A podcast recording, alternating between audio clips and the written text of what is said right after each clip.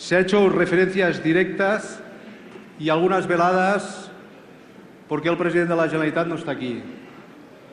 Ustedes, sinceramente, se siguen equivocando, se siguen haciendo trampas al solitario. Este proceso no tiene un nombre y un apellido.